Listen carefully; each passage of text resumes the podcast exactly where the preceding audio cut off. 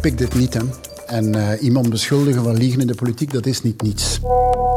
Zijn de gelekte WhatsApp-berichten nu een politieke bom of niet? En dat dat dan nog maar van die halve oplossingen zijn. Waarom zetten we niet eens een grote blok? Als we dat kunnen voor schaatsbaan, dan kunnen we dat toch ook voor mensen die buiten moeten slapen, zeker. Is er echt geen duurzame oplossing voor mensen zonder dak boven het hoofd? Klaar voor de volksliederen. We beginnen met eh, Marokko. En dat gaat uit redelijk veel kelen worden meegezongen. En waarom kiezen voetballers van bij ons toch voor Marokko? Daar gaan we. Ik ben Sophie van der Donkt en over een kwartier heb je de antwoorden.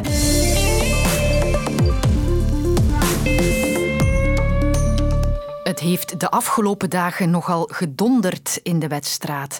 Centraal in de hetze staan de premier, een hele lijst WhatsApp-berichtjes, een donkerrode begroting en een staatssecretaris die haar job verloor.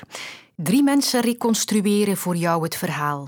Politoloog Nicolas Bouteka, mijn collega Ivan de Vadder en om te beginnen journalist Wouter Verschelden. Alles draait eigenlijk rond in essentie de samenstelling van de begroting. Je hebt een begrotingsconclaaf gehad in oktober, dan State of the Union. En vervolgens heb je eigenlijk een hele discussie gehad op het moment dat die begroting moest neergelegd worden. Dus met cijfers en teksten in het parlement, waar s'nachts, op het moment dat die in het staatsblad gepubliceerd wordt, eigenlijk blijkt dat die staatsschuld plots omhoog schiet van 5,9 naar 6,1 procent. En de dagen nadien krijgt één iemand de schuld daarvoor, namelijk staatssecretaris Eva de Bleker.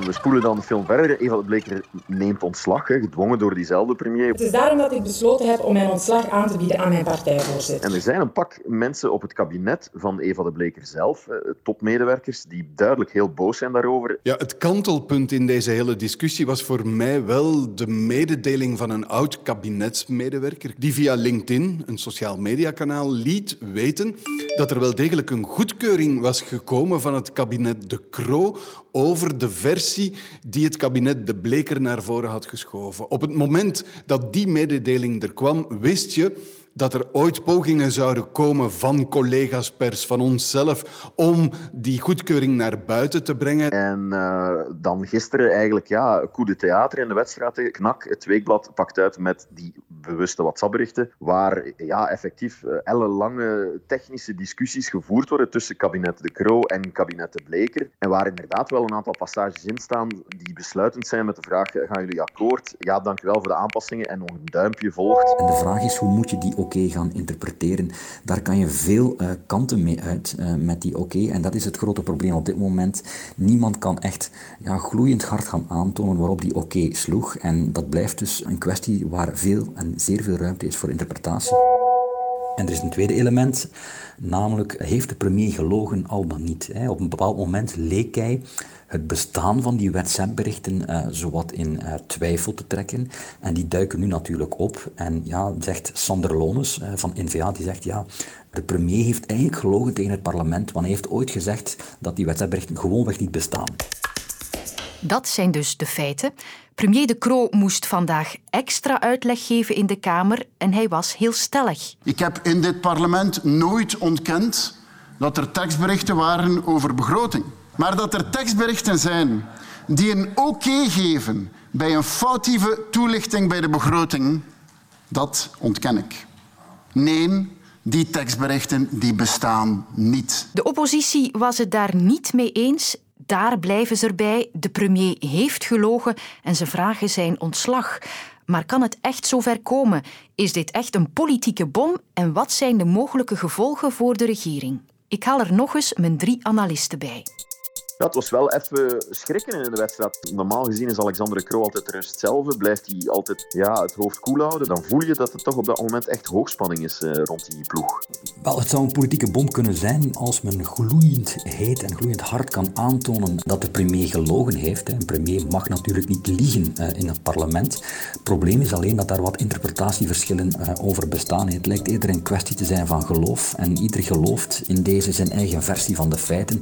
Dus het is heel moeilijk om als, ja, als kiezer nu uit te maken wie van de twee of welke versie de juiste is. Ja, dit is wel een, een ernstig politiek incident. Je gaat twijfelen aan de geloofwaardigheid van een eerste minister.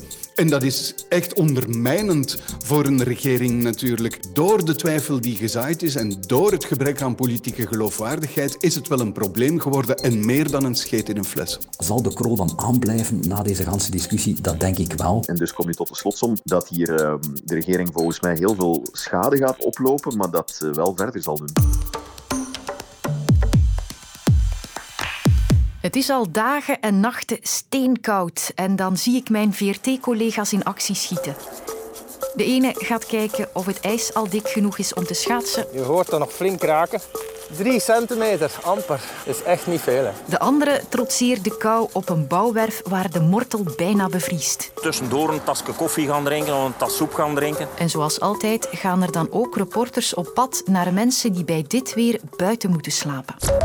Zij krijgen nu eten van uh, gewone Brusselaars. Hier komen mensen echt eten aanbieden. Vanaf 8 uur s avonds tot 8 uur s ochtends mogen ze hier verblijven. In een al bij al haastig georganiseerde kale ruimte. De mensen hebben hier neer een bed en al het nodige beddengoed en toegang tot een douche. Everyone is sleeping on the street. Why? They are not human. Want het is helaas nog altijd een realiteit.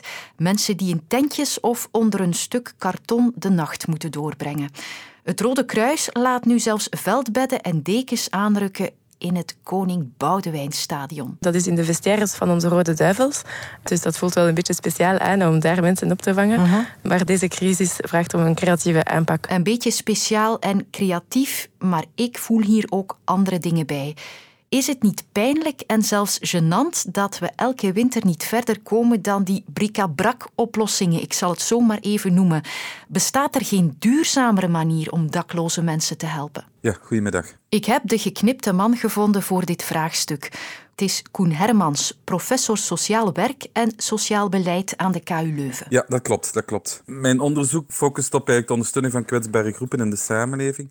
En meer concreet nemen dak- en thuislozen daar een heel belangrijke plek in. Deelt hij dan mijn frustratie over die crisisopvang? Deels wel natuurlijk. Ik denk aan de ene kant dat er echt wel beleid gevoerd wordt om oplossingen te vinden. Maar aan de andere kant domineert nog altijd wat wij noemen een crisis- en een opvangmodel. En net door die immense kou natuurlijk die vandaag toeslaat, wil eigenlijk iedereen vermijden dat, dat, dat mensen op straat moeten slapen en mogelijk ook op straat gaan, uh, gaan doodvriezen. En wanneer dat, uh, dat de crisis zich voordoet, gaan we naar crisisoplossingen zoeken, naar ad-hoc oplossingen, bedden bijzetten, plekken vinden waar mensen kunnen slapen. En dreigt eigenlijk ook die structurele benaderingen uit het oog uh, verloren te worden. Het is echt niet eenvoudig om, uh, om in de, de winteropvang terecht te komen. Er is een hele aanmeldingsprocedure die dat je moet volgen. En het belangrijkste is inderdaad, het is uh, een, een nachtopvang. Hè. De volgende ochtend sta je terug op straat. En ik heb altijd een heel paradoxale mening over die nachtopvang. Je kan er niet zonder, maar tegelijkertijd is het een verschrikkelijk slechte oplossing. Je zet vaak heel veel mensen bij elkaar die heel uiteenlopende problematieken hebben. Stel je voor als je met zoveel mensen op een slaapzaal moet slapen. Ik moet daar geen tekening bij maken dat dat per definitie tot conflicten gaat leiden. Het is uh, een doekje voor het bloeden, maar het is tegelijkertijd eigenlijk de allerslechtste oplossing die we kunnen bedenken. Oké, okay. Maar wat kan dan wel een duurzame oplossing zijn? Ik ga twee dingen zeggen. Ik denk dat we absoluut een duurzame oplossing nodig hebben. Maar we hebben ook duurzame crisisoplossingen nodig, of beter gezegd, kwaliteitsvolle crisisoplossingen. Crisisopvang ja, maar bij voorkeur individueel in afzonderlijke ruimtes en zo verder. Dak- en thuisloosheid is een woonprobleem. En dus dat betekent dat de meest structurele oplossing een dak boven je hoofd is. Dat had iedereen kunnen bedenken, zult u zeggen. Dat is ook zo. Maar we zien tegelijkertijd dat echt investeren in huisvesting voor dak- en thuisloze personen niet de hoogste prioriteit krijgt. Je ziet nu al hoe grote wachtlijsten zijn in de sociale huisvesting. En dan uh, is het heel moeilijk om dak- en thuisloze personen voorrang te geven of gehuisvest te krijgen. We denken dat als we naar zo'n woongerichte model willen, dat ons dat heel veel geld gaat kosten. Niets is minder waar. Hè. We zien nu dat het leven op straat een immense maatschappelijke kost veroorzaakt. Nog los van de traumatische ervaring die mensen zelf hebben, maar het jaarbedrag schommelt tussen de 30 à 70.000 euro. Dus die idee dat we moeten extra investeren, is eigenlijk een vals idee. We moeten meer, veel meer ervan uitgaan om middelen te heroriënteren, om te beseffen dat wongerichte oplossingen net onze factuur verminderen in plaats van verhogen.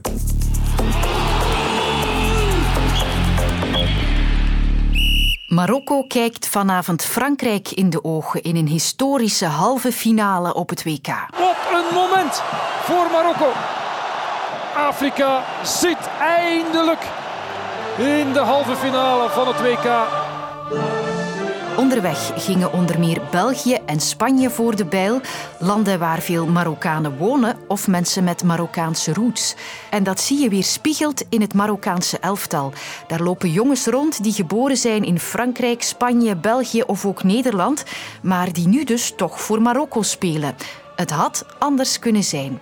Vanwaar hun keuze? Ik haal er een kenner bij in twee opzichten. Mijn naam is uh, Thomas Rijsman, uh, sportjournalist en uh, schrijver van het boek Marokkaanse trots smaakmakers in de Eredivisie. En voor de mensen die nu denken, voeren ze weer een Nederlander op? Dat ben jij niet. Nee, ik ben geboren en getogen in Nederland, maar 100% Belg dankzij twee West-Vlaamse ouders. Dus mijn paspoort is enkel en alleen Belgisch. En dus weet je zelf wat het is om op te groeien in een land waar je roots niet liggen. Wat bepaalt nu de keuze van die Marokkaanse voetballers? Nou, voor mijn boek heb ik heel veel voetballers, ex-voetballers gevraagd. Ben je volwaardig geaccepteerd? Heb je wel eens uh, negatieve ervaringen meegemaakt omdat je Marokkaan bent? En zeiden deze uh, Marokkaanse voetballers uit Nederland uh, dat ze wel degelijk van die negatieve ervaringen hebben. Dat ze twee keer zo goed moeten zijn om dezelfde lofzang te krijgen in de pers bijvoorbeeld. Maar ook twee keer zo goed moeten zijn vaak om bijvoorbeeld uitverkoren te worden voor Oranje. Uh, wat bijvoorbeeld het geval is geweest met Hakim Ziyech, nu een van de grote uitblinkers bij het Marokkaanse team. Er werd nog eens uh, herinnerd aan uh, het moment een jaar of zes geleden dat Ziyech de keuze maakte voor Marokko. En Marco van Basten, toen assistent bij het Nederlandse elftal, zei... Hoe dom kan je zijn om voor Marokko te kiezen als je voor Oranje kan spelen? Dat heeft hem enige wrok bij hem opgeleverd. En heeft hem onder andere doen besluiten om ja, om zijn rug naar Oranje te keren en zijn neus richting het Marokkaans team uh, uh, te sturen en uiteindelijk voor Marokko te kiezen. En hij gaf later toe dat dat deels ook uit gekrenkte trots was. Uh, dat is de wat zwaardere, complexere reden waarom sommige mensen, Marokkanen uit Nederland en België en Frankrijk, voor Marokko kiezen. er is ook een lichtere reden te, te noemen. En dat is dezelfde reden waarom ik als ik die keuze wel had gehad, voor België gekozen zou hebben, is de familie komt er vandaan. Thuis ademt alles Marokko en uh, je hoort een leven lang hoe gaaf en hoe cool het wel niet zou zijn als je ooit voor Marokko zou spelen. En dat doen ze nu. Absolute helden. Helden die ze hier, als ze voor Nederland of België of Frankrijk hadden gespeeld, veel minder geweest zouden zijn. Dus uh, ja. Daar is het! Daar is het gebeurd! Ronaldo buigt het hoofd. Het glazen plafond is doorbroken. Het spot uiteen in duizend splinters. Lijkt het alleen maar zo of, of lijkt dat dilemma voor welk land kiezen de laatste jaren meer op te spelen dan bijvoorbeeld een generatie geleden bij die voetballers met dubbele nationaliteit? Nou, je zou daar bijna een wiskundige formule op kunnen loslaten. Er zijn gewoon meer talentvolle voetballers die uh, en een biculturele achtergrond hebben en de kwaliteit hebben om voor het ene of het andere land uit te komen. Um, dat is natuurlijk een voordeel ook. Uh, veel mensen kunnen maar voor één land spelen en hebben dus maar één keuze. En deze spelers hebben uh, nu twee keuzes. Uh, dat dat soms ook wat lastig is, zoals Chatli in het verleden bij België. Die kon kiezen voor België en voor Marokko. Die voelde toch wel die familiedruk om voor Marokko te kiezen. Te sonner euh, pour te dire que j'ai fait, j'ai fait mon choix pour l'équipe nationale de la Belgique. Ouais. Zijn vader, dat weten we, dat hebben we in een documentaire kunnen zien een aantal jaar geleden, wilde heel graag dat zijn zoon voor Marokko zou spelen. En hij koos uiteindelijk toch voor België. En zijn vader was zowaar teleurgesteld in die situaties. Dus het is enerzijds een luxe positie en anderzijds uh, ja, kan het ze ook, uh, ja, ze halen ook wat op de hals. Het huidige succes van Marokko kan de keuze wel makkelijker maken natuurlijk. Absoluut, absoluut.